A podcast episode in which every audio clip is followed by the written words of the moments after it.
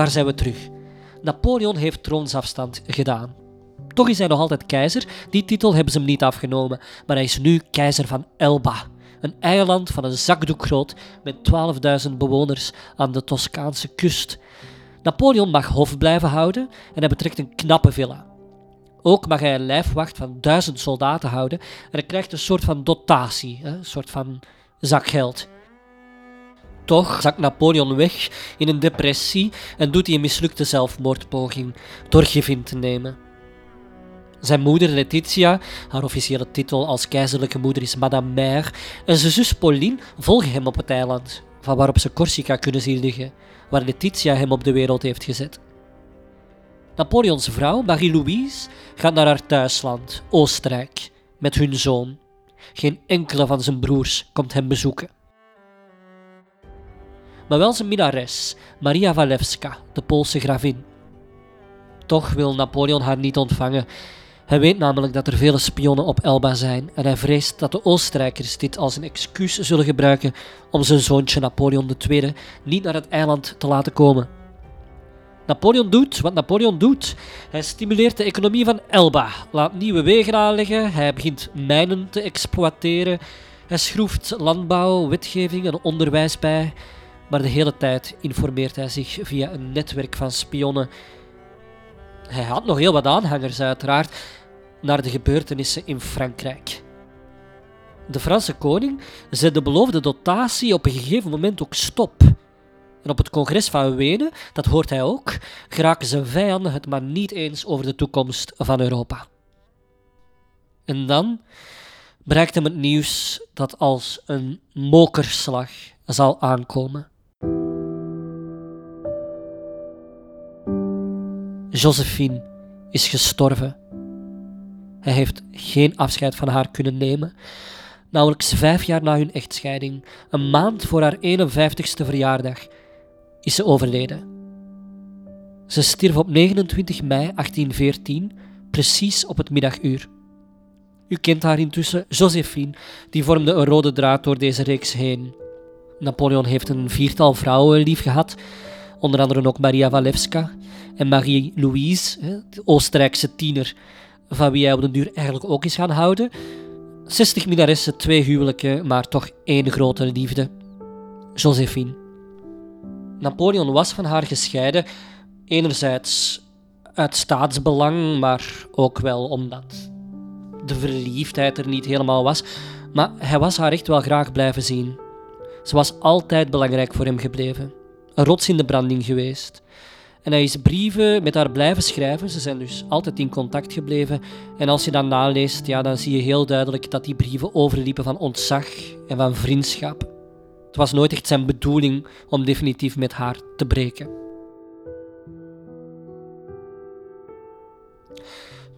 Elba. Elba, dat moet daar heel saai geweest zijn. Napoleon zou er maar tien maanden blijven. En dan deed hij iets spectaculairs. Zijn grote verdwijntruc. Ook daar zijn verhalen over geschreven. Zo zou hij de Britse patrouilles die rond het eiland voeren maandenlang zo meticuleus hebben bestudeerd dat hij een lacune in de bewaking had gevonden. En ooit heb ik dan ook eens gehoord dat die lacune een wekelijks bezoek was van de Britse admiraal aan zijn maîtresse aan land. Maar bon, uh, petit histoire. In een sloep vaart hij s'nachts naar Frankrijk en komt hij twee dagen later aan wal met een kleine groep manschappen in de buurt van Cannes en dan zou hij richting Grenoble zijn opgerukt, terwijl zijn aanhang groeide en groeide. Ik vind dat ook een heel romantisch idee. Ik stel mij voor dat plaatselijke bewoners aan de kust hem uit die sloep zagen stappen op het strand. Ja, en dan hem waarschijnlijk herkenden aan zijn jas of hoed. En dan een oud muntstuk er hebben bijgenomen om te dubbel checken of dat hij het wel was. En dat op die manier het nieuws zich van dorp naar dorp had verspreid van de Côte d'Azur naar het binnenland. Vandaag is het traject dat hij toen aflegde bij toeristen bekend als de pittoreske slingerweg de Route Napoleon, aangegeven met keizerlijke adelaars trouwens. Op het congres van Wenen waar de finfleur van de Europese diplomatie de grenzen van Europa hertekende als ze een beetje tijd vonden tussen de bals, banketten, etentjes, diners, drinkgelagen, fine vibe, gezang en andere synoniemen voor fretten en zuipen, moet het nieuws heel hard zijn aangekomen. Bonaparte is ontsnapt. We lost him. Terug naar Napoleon. Onderweg komt hij een koninklijk leger tegen, geleid door Maarschalk Ney, zijn oude wapenbroeder trouwens, met wie hij zoveel slagen had gevoerd al sinds de vroege jaren van de revolutie. Maarschalk Ney had de koning beloofd om Bonaparte in een ijzeren kooi naar Parijs te brengen. Napoleon die stapt op het koninklijk regiment soldaten af, doet vervolgens zijn jas open en roept: Tirez sur votre empereur, schiet dan op uw keizer. Waarna je een speld moet hebben kunnen horen vallen. En dan na verloop van tijd de koninklijke soldaten plots overlopen naar de kant van Napoleon, daarbij Vive l'empereur roepend. Dit is een mooi moment voor een film. Het is echt gebeurd. Na een felle woordenstrijd vergeeft Napoleon Maarschalk nee en die zou dan tot in Waterloo Napoleon blijven bijstaan. Na zes dagen komt Napoleon als een volksheld aan in Parijs.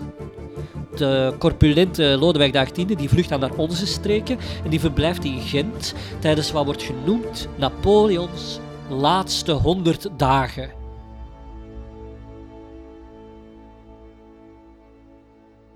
Die term die staat in bijna alle geschiedenisboeken. Is door zijn vijanden bedacht, wat is eigenlijk zeer anti-Napoleontisch, want het waren eigenlijk 111 dagen. Alles om de nalatenschap van Napoleon te bagatelliseren, dunkt mij soms. Nu, hij pleegt dus opnieuw een maar in tegenstelling tot die van 1799 is deze staatsgreep toch niet met zoveel draagvlak bij de bevolking. Zeker niet op het platteland, waar jongens die onmisbaar zijn voor de oogst zijn afgeslacht in zijn vele veldslagen. Napoleon had nauwelijks nog bondgenoten. En de rest van Europa is zich aan het klaarmaken voor nogmaals een rondje Napoleon-bashen. En Napoleon voelt aan zijn theewater dat de finale confrontatie buiten Frankrijk zal plaats hebben en hij kiest België. België hoorde op dat ogenblik bij Nederland. Napoleon wist dat hij zijn vijanden in snelheid moest pakken.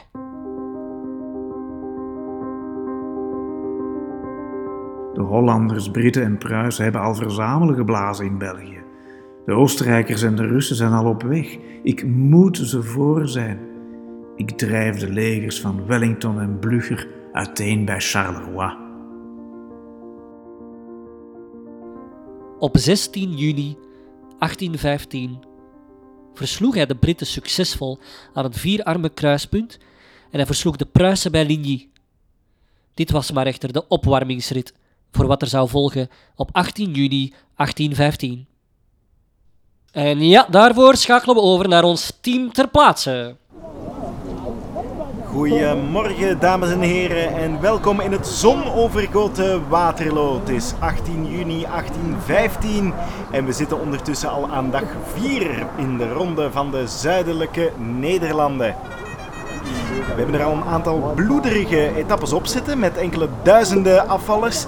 Nu het heeft dan ook pijpenstelen geregend de afgelopen dagen en dat doet niemand deugd natuurlijk. Maar goed, vandaag belooft een spannende strijd te worden waarbij we toch vooral topfavorieten zoals de Britse kampioen Arthur Wellesley, voor ons beter bekend als Wellington, en de Franse duivel doet al Napoleon Bonaparte in het duel verwachten. Donderdag en vrijdag zagen we al in Charleroi, Ligny en op het Vierarme kruispunt dat Fransman Michel Ney het vuur aan de schenen kon leggen van Wellington en dat die Napoleon de Pruisische Gabi Blucha en zijn peloton enkele rakenklappen wist te verkopen. Gisteren was dan vooral een tactische dag waarbij de manschappen zich probeerden te positioneren. En ja, dat zal ook nodig zijn voor de finale waarin we toch veel vuurwerk verwachten. Is voorlopig nog even wachten op het startschot. Dat is altijd een verrassing in deze discipline. Maar we hebben voor u nog een kort interview met Wellington en zijn vertaler klaarstaan. Laat ons daar maar even naar luisteren.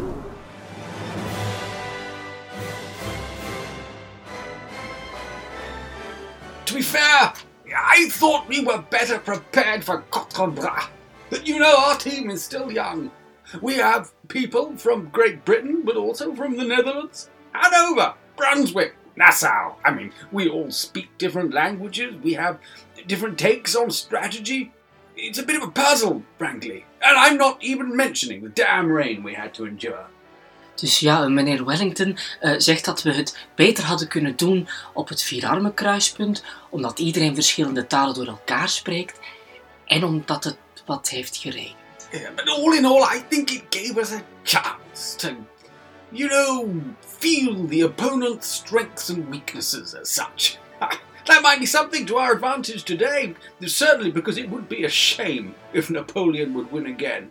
We shouldn't forget, he was banned from the competition last year. He had his chance, you know.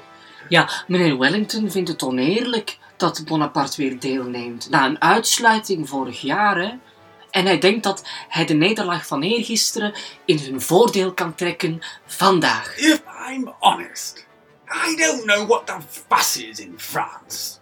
I mean, how is it possible the French can't see Napoleon as a misfit? Nutcase! Devil!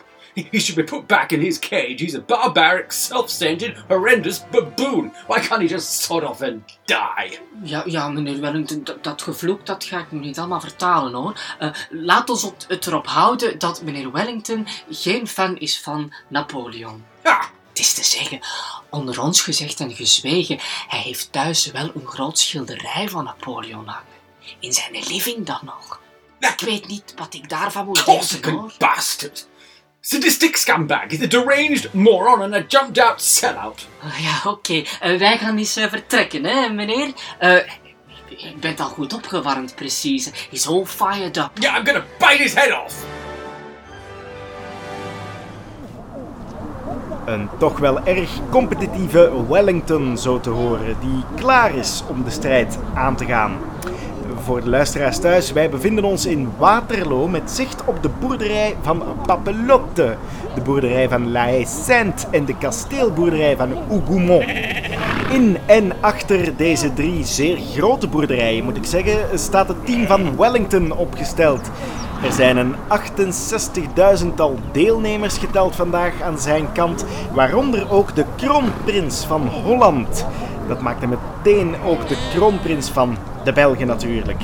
Deze keer dus geen klassieke België-Holland, maar wel eentje waar ze gaan samenwerken. En dat kan overigens nog pittige tafereelen opleveren als ze oog in oog komen te staan met de Belgen die Napoleon helpen. Aan de andere kant zien we dan in de bossen en achter de heuvels dat team van Napoleon klaarstaan. Zij zouden naar verluid met bijna, pas op, 1 miljoen deelnemen. Maar de politie spreekt slechts van 72.000 vechtlustigen.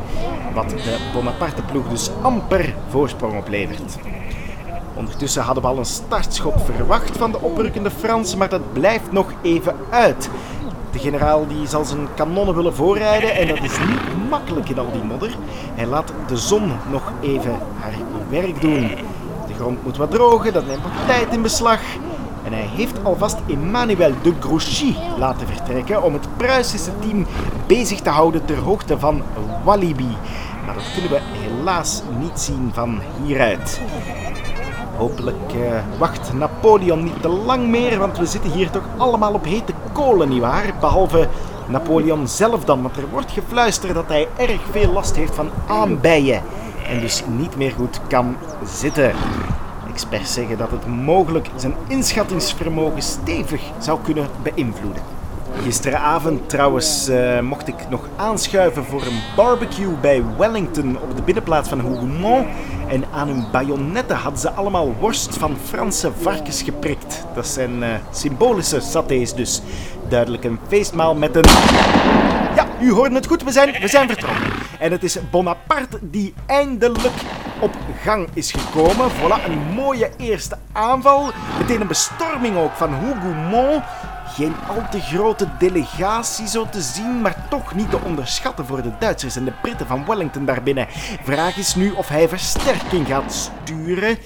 Nee, zo te zien doet hij dat niet. Maar kijk, de hoofdpoort die vliegt open en de troepen die stromen binnen. Dat kan wel eens fataal zijn voor de Hollanders. De, de poort die vliegt dicht. Ja, dat is Wellington op de counter natuurlijk. Die Franse soldaten zijn een vogel voor de kat zo vroeg in de wedstrijd. Toch misschien al een beslissend moment. Maar u hoort het, Napoleon heeft zijn favoriete kanonnen geplaatst gekregen en gebruikt ze met veel passie. Het geeft meteen een bloederig beeld aan Britse zijde. En zo te zien inspireert deze impact de Franse generaal om rechtstreeks aan te vallen. Kijk eens aan, jongens, wat een fantastische stormloop. Allez, enfants de la patrie, le jour de gloire arrivé. Ai, dat was te vroeg. Victorie gekraaid, een heel bataljon in de cavalerie als antwoord van Wellington.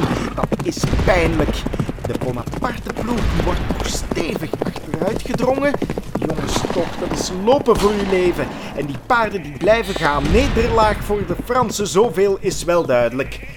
Maar wacht, wacht, want de Franse cavalerie die valt langs de andere kant de ietsje te euforische Britse ruiters aan. Dat levert daar een slagbank op. Jongens, lieve doet me wat denken aan die barbecue van gisteren. Ik kan me voorstellen dat die Napoleon terug hoop begint te voelen nu. En kijk, dat wordt meteen bevestigd door Michael Nij, die we de afgelopen dagen ook al zagen oprukken. Hij leidt een batterij te paard naar de linkerflank. Wat een daadkracht bij die jongens zegt, dat is een talentje absoluut. We zien de gewonden aan de Wellington-kant in bosjes worden afgevoerd naar het achterliggende Zoniewoud. En benieuwd hoe ze met een kleine infanterie gaan reageren op de aanval van Michael Ney. Zo te zien kiezen ze voor de carré. De soldaten zetten zich in een vierkant blok met verschillende lagen en dat werkt goed, daar is geen doorkomen aan. Tja, Michael, dat wordt wederom terugtrekken van een blunder gesproken. En ik krijg ja, ik krijg net in mijn oortje te horen dat de Pruisen in Plassonnois zijn binnengedrongen. Dat is het dorp hier vlak achter. Oh la la la la, Napoleon. Aanval langs achter, dat ga je voelen aan je aan je makker. Oh ja hoor, Napoleon staat op springen. Hij gooit daar een hoop reserves naar de twee kanten. Kijk eens aan, wat een brutale kracht. Maar het levert op. Het levert op dat de middelste boerderij, La Haye Sainte, is nu van hem. En als ik Wellington was, dan zou ik nu toch stilaan beginnen opgeven. Die linie die kan je niet meer volhouden met zo'n opmars van de Fransen. Het is niet waar, nog Pruisen langs rechts een hele hoop. En zo zie je maar, het spel is niet gespeeld tot het gedaan is. Napoleon die trekt zijn hoofdkwartier in en ik denk dat die gaat overleggen. Zo ziet het er alvast naar uit. Er komen nog wat hoge officieren bij. Wat gaat hij doen? Wat gaat hij doen? Hij komt naar buiten en trekt de kaart van de keizerlijke garde, dames en heren, dat is ongelooflijk. De meest gevreesde troepen van Europa die worden nu ingezet. En ze bestormen genadeloos het slagveld. Je merkt meteen op die ervaring van die mannen. De daadkrachtige blik in hun ogen. En Wellington die kan maar één ding doen in dit potje oorlogspoker. Gewoon alles all inzetten. Ja, hiervoor zijn we gekomen vandaag. Dit is hart tegen hart. Vuurwerk in een poel van bloed. Jongenslief, dit is een strijd zonder weerga en zo te zien is het Wellington die de overhand haalt. Nooit gedacht, maar het is zover. De keizerlijke garde die moet terugtrekken. Ja, dat hakt definitief in op de rest van het blauwe leger. Wat een paniekplot bij die Fransen. Ze gaan lopen, ze vluchten zelf. Ik vrees dat we hier getuigen gaan zijn van de dood van Napoleon. Ze gaan hem genadeloos een kopje kleiner maken, te- tenzij de keizerlijke garde die gaat in een carré rond Bonaparte staan. Wat een moedige mannen. Ze houden Wellingtons team op korte afstand. De achterste zijde van de carré opent zich en de keizer die kan ontsnappen. We zien de pijn op zijn gezicht, zowel van de nederlaag als van de aanbijen, denk ik. Maar hij blijft gaan en ja, het is, gebeurd. Het is gebeurd, hij is verdwenen. En wat een einde van deze epische slag. Bonaparte die had gedacht het geallieerde team uit elkaar te drijven en eenvoudigweg te verslaan, maar zijn afwachtende houding in het begin en zijn fysieke, ja toch wel ongemakken moeten we zeggen, hebben hem dan toch parten gespeeld. Ik denk dat ik met zekerheid kan zeggen, dit was het einde van Napoleon Bonaparte. Bedankt om erbij te zijn. Wij horen elkaar graag terug op de najaarsklassieker, de Septemberrevolutie. Tot dan!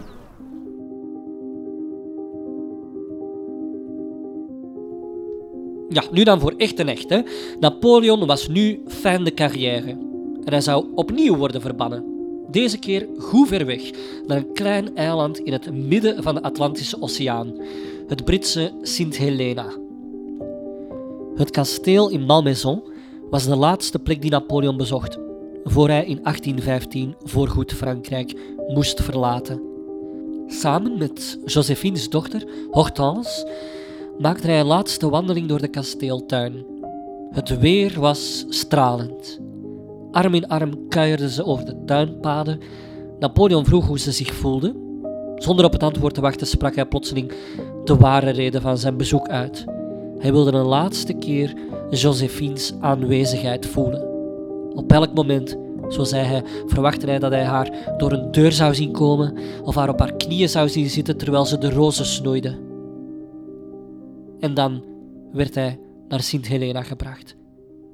Op het saaie, nog kleinere Sint Helena zou hij de laatste zes jaren van zijn leven in een soort van lockdown zitten, in isolement, social distancing, next level.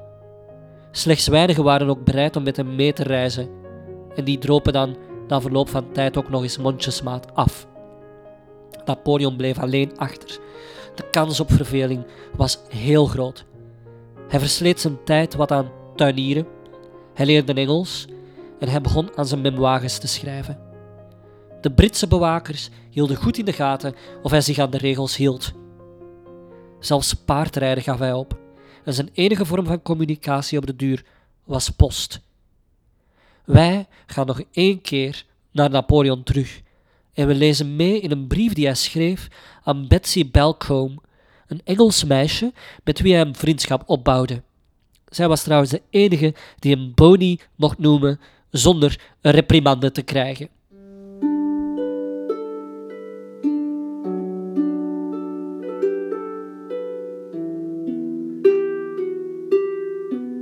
Bange wezels, laffe snuiters. Jaloerse kinkels zijn het. Mijn excuses dat ik je landgenoten zo verfoei, mijn lieve Betsy. Maar zelf heb je immers meegemaakt dat de gouverneur van dit achterlijke hol mij niet klein kon krijgen. Hij hoopte me te kraken door me generaal Bonaparte te blijven noemen. Natuurlijk ben ik een generaal, een generaal die zijn troepen altijd zo in de herinnering zal blijven. In de harten van de Fransen en de vele volkeren die mijn revolutionaire ideeën genegen waren, ben ik veel meer dan dat. Ik zal voor altijd hun keizer blijven. Het beste bewijs. Altijd heb ik kunnen rekenen op hun sterkste zonen en vaders om het keizerrijk te verdedigen. Onder mijn bevel heb ik honderden regimenten mogen aanvoeren. Samen met hen doorkruiste ik de velden van Europa om het Franse volk overwinning na overwinning te schenken. Het waren de vorsten die terugvochten, niet de volkeren. Ik kijk naar mijn groentetuintje en zie de boontjes nu schuchter ontluiken. Als ik ze niet bescherm met doornige takken, worden ze uitgepikt door agressieve vogels. Het lijkt wel op mijn geliefde Frankrijk. Er werd me onlangs bevestigd dat ik voor de eeuwigheid naar dit eiland ben verbannen. Maar weet dat de herinnering aan jou, zoals die aan de vele vrouwen die ik mijn leven gekend en vereerd heb, dat die herinnering het enige is die me heeft doen overleven. Lang leven het Franse volk. Jouw genegen vriend Napoleon Bonnet Bonaparte, voor immer keizer der Fransen.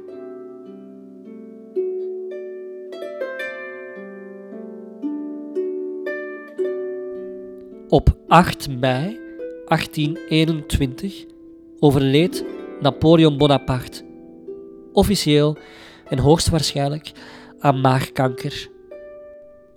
Zijn laatste woorden bezorgen mij altijd kippenvel. Ze zijn door de Britten opgetekend en ze klonken als volgt: France, l'armée, tête d'armée, Joséphine.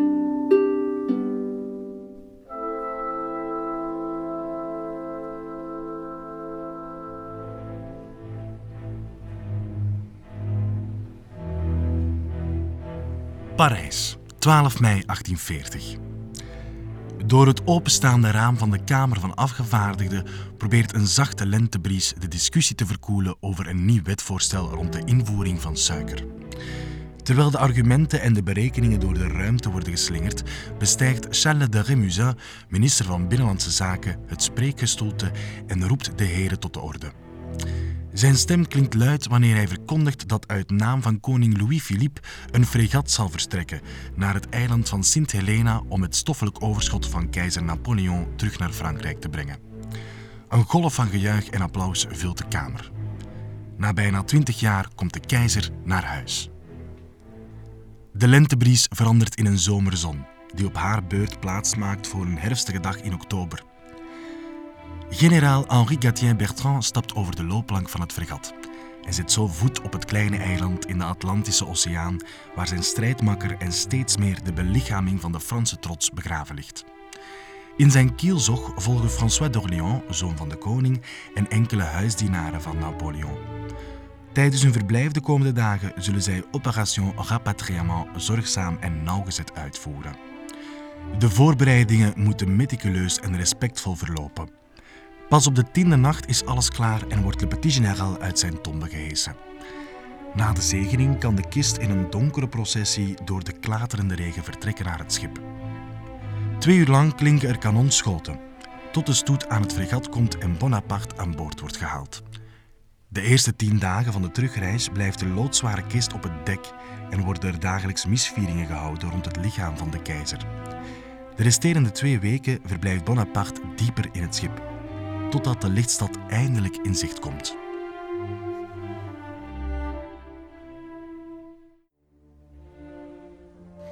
Parijs, 14 december 1840. Het is koud genoeg om binnen te blijven, maar toch stapt Pierre Dujardin met zijn zoontje Marcel de deur uit. Ze wandelen flink door en komen onderweg steeds meer mensen tegen. Wanneer ze bij de oever van de rivier aankomen, is het al even zoeken om een goede plek te vinden. Net op tijd zit Marcel op de schouders van zijn vader, want van achter de bocht komt de boot aangevaren. Hij vindt het spannend. Hij gaat Napoleon zien, de generaal en keizer waarover hij al zoveel verhalen heeft gehoord. De massa mensen wordt groter. Marcel ziet zelfs mensen in de verte op de daken zitten. Traag vaart de dorade voorbij. Duizenden nieuwsgierige blikken zoeken de kist, maar die blijft verborgen. De volgende dag staan Marcel en zijn vader al vroeg op de Champs-Élysées. Pierre wijst naar de papier-mâché versieringen langs weerszijden van de weg. Het zijn taferelen uit het leven van Bonaparte. Heel Parijs is verzameld. De begrafenisstoet komt dichterbij. En zoals Marcel later aan zijn kinderen zou vertellen met de woorden van Victor Hugo: Als een fakkel die rook achterlaat, laat de lijkkoets niets dan applaus achter. Pierre en Marcel kijken met bijna ongeloof naar het overweldigende rijtuig dat wordt voortgetrokken door 16 paarden. En hoewel het hele volk de kist wil zien, wordt die in de gouden piramidevormige koets bedekt door vlaggen, palmen, lauwerkransen en een mantel met gouden bijen. De processie passeert, maar Marcel wil meer zien. Hij belooft zijn vader terug te komen naar de plek waar ze nu staan en baant zichzelf dan een weg door de mensenmassa. Hij staat nu vlak voor de Dom des Invalides. Hij hoort de Parijse opera voor de eerste keer in zijn leven zingen. Ze brengen het requiem van Mozart. Vooraan staat François d'Orléans, die tegen zijn vader, de koning, plichtstatig declameert. Sire, ik presenteer u het lichaam van Napoleon Bonaparte. De koning antwoordt luid: Ik ontvang het in naam van Frankrijk.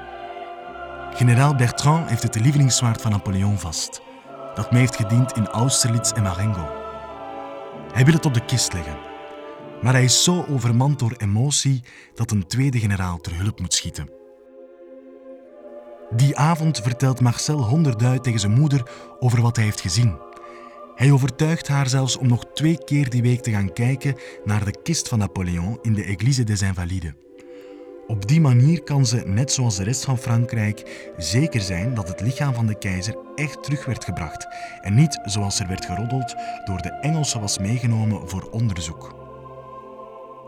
Veel later nog zal Marcel zelf met zijn zoon en dochter de Petit Général, le Grand Empereur, gaan opzoeken, die nu in een sarcofaag ligt te midden van een open crypte in Les Invalides, onder een majestueuze koepel, verlicht door de hemel. thank you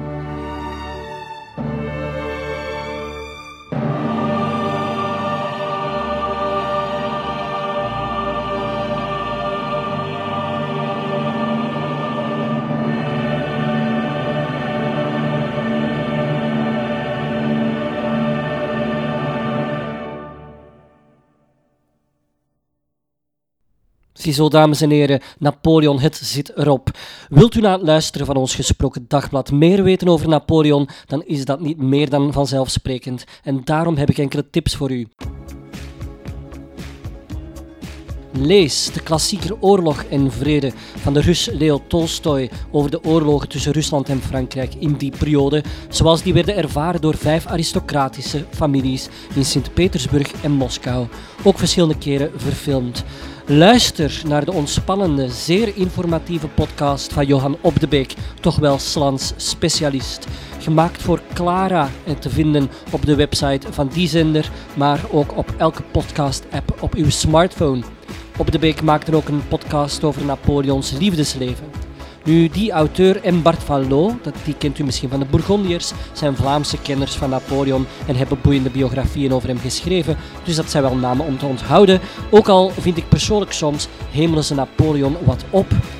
De beste biograaf van Bonaparte vind ik Adam Zamoyski. En dat is een telg uit een Poolse adellijk geslacht, die door zijn talenkennis een breed palet van bronnen altijd bestudeert. Hij ziet Napoleon niet als een supermens, maar als een gewone mens, met niettemin een aantal bijzondere kwaliteiten. Napoleon was niet geniaal bij Zamoyski, denk maar aan de grootste militaire ramp door menselijk falen. Hij beschrijft hem als een briljant tacticus, maar niet als een strateeg, zoals uit zijn erbarmelijke einde blijkt. Die man schreef een knappe biografie in 2018, maar schreef ook een ongelooflijk meeslepende studie over de Russische veldtocht. Het heet 1812. Ik heb dit gelezen, ik kon het gewoon niet neerleggen, ik wist niet wat ik las. Ook schreef hij een boek over 1815, Napoleons ultieme ondergang en het congres van Wenen. En dan wil ik uiteraard onze bijdragers bedanken. Soms hoorde u harpmuziek als soundtrack. En dit was van de handen van de zeer getalenteerde Jasper van den Broek. De voorjaarsklassieker De Ronde van Waterloo werd becommentarieerd door de immer entertainende Leonard Muilen. Wellington en dienstassistent waren mijn lieve vrienden, de prachtige Philip de Keuster en Andrew Stegel, vanuit hun kot in Londen. De verteller van de proloog in de epiloog was de zwoele Laurens Luiten. Josephine de Beauharnais werd overtuigend neergezet door de flamboyante Valérie Wijns en Napoleon Bonaparte. Daarvoor verleende niemand minder ons zijn stem dan de impressionante professor Dr. Rector Herman van Goetem, dames en heren. Een welgemeende dank u, dank u, dank u. Dan onze errata. We hebben enkele kleine foutjes gemaakt. Verschillende mensen stuurden ons terecht dat de Queen al wel 93 jaar is. De 21 april wordt ze 94. En op het moment van opnemen is dat, jawel, vandaag. Vivat, vivat Elisabeth Regina. Toch een feestelijk moment in deze tijden van lockdown. Joost uit Zwijnaarden die stuurt Frans Ferdinand werd niet neergeschoten met een geweer, maar met een pistool. Daarboven een van Belgische makelij. Dat is ook een, leuk weetje. Diezelfde Joost die stuurt dat Napoleon na het neerslaan van de monarchistische opstand in Parijs in 1795, Napoleon gepromoveerd werd tot divisiegeneraal. Brigadegeneraal was hij al. Dankjewel om dit recht te zetten. Gelukkig zijn er toch nog echte kenners. Ja, wie ben ik natuurlijk tegenover iemand met een tattoo van Napoleon op zijn buik? Verzoekjes dan. U stuurde er weer een heleboel binnen. De Gulden Sporenslag, Israël-Palestina nogmaals, de Belgische Charlotte die keizerin van Mexico werd, enzovoort. Ik denk eraan om een reeks te maken met onderwerpen die één aflevering duren en die getiteld is Hoe zat dat just? Work in progress. We hebben ook een poll georganiseerd op onze Facebookpagina en daaruit bleek dat de meerderheid onder jullie koloniale geschiedenis wil als het onderwerp van een volgende reeks. Op de voet gevolgd overigens door Koude Oorlog. We sluiten af met enkele shout-outs naar en reacties van luisteraars. Elisabeth, een kasteeldame uit Zwijnaarden, die is in blijde verwachting van een zoon. En zij luistert naar de podcast terwijl ze het wapenschild aan het ontwerpen is waarmee ze haar zoon wil belenen. Afonso uit Antwerpen, die luistert naar ons terwijl hij patronen tekent. Ja, die moet wel in de fashion business werken, denk ik dan. En op die manier oefent hij in één klap zijn Nederlands. Ik kreeg ook een mailtje van een oude leerkracht Woord van me van de Woordacademie van Weinigem. En zij stelt wij een gratis online opfrissingscursus voor. Dankjewel, Saskia. Nu zitten we ook in Israël. Stefan die stelt voor om voorzitter te worden van onze fanclub daar.